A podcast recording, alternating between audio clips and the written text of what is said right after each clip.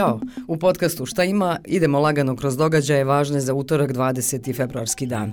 Ja sam Leila Omeregić-Ćatić i skrećem vam pažnju na protestnu šetnju i štrajk upozorenja sindikata srednjih škola, srednjeg i visokog obrazovanja, odgoja, nauke i kulture, učitelja te osnovnog obrazovanja i odgoja u Hercegovačko-Neretvanskom kantonu. Kažu kako su sa kantonalnom vladom imali neuspješne pregovore, nakon čega su u decembru organizovali štrajk upozorenja i proteste, te da im od tad nije dozvoljeno da se obrate na skupštini.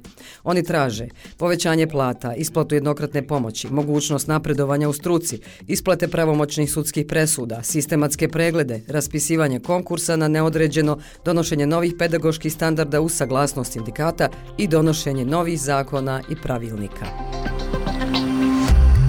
U Sarajevu danas i sutra konferencija pod nazivom Dobre prakse u integraciji migranata. Teme su integracija migranata, institucionalni i pravni okvir, podrška građanskoj, kulturnoj i jezičnoj integraciji, pristup tržištu rada, rasizam i ksenofobija, prevencija i odgovor na diskriminaciju, edukacija, zdravstvena zaštita, socijalne usluge i stanovanje. Konferencija se održava u organizaciji MUPA kantona Sarajevo uz podršku OSCE-a, a doći će, kažu, predstavnici resornih ministarstava kantona Sarajevo koja se bave problematikom migranata, socijalnih socijalnih službi te nevladinih organizacija.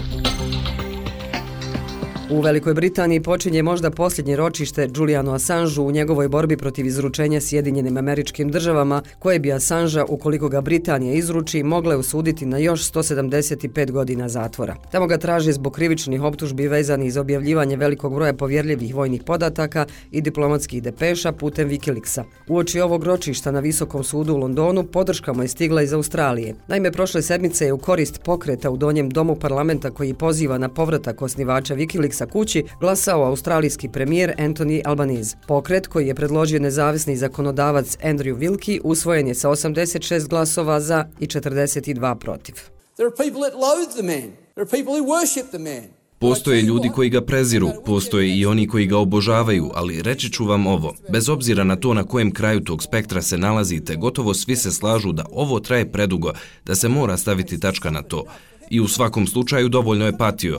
Bože, sačuvaj, gospodine potpredsjedniče, oko pet godina u Belmaršu, otprilike sedam godina u ekvadorskoj ambasadi. Koliko je dovoljno? Koliko je dovoljno? Ovo je popodne kada ovaj parlament zauzima stavi, kaže dosta je bilo i poziva Sjedinjene američke države i Veliku Britaniju da ga puste iz zatvora, povuku optužbe, dozvole mu da se ponovo ujedini sa svojom porodicom, dozvole mu da dođe kući.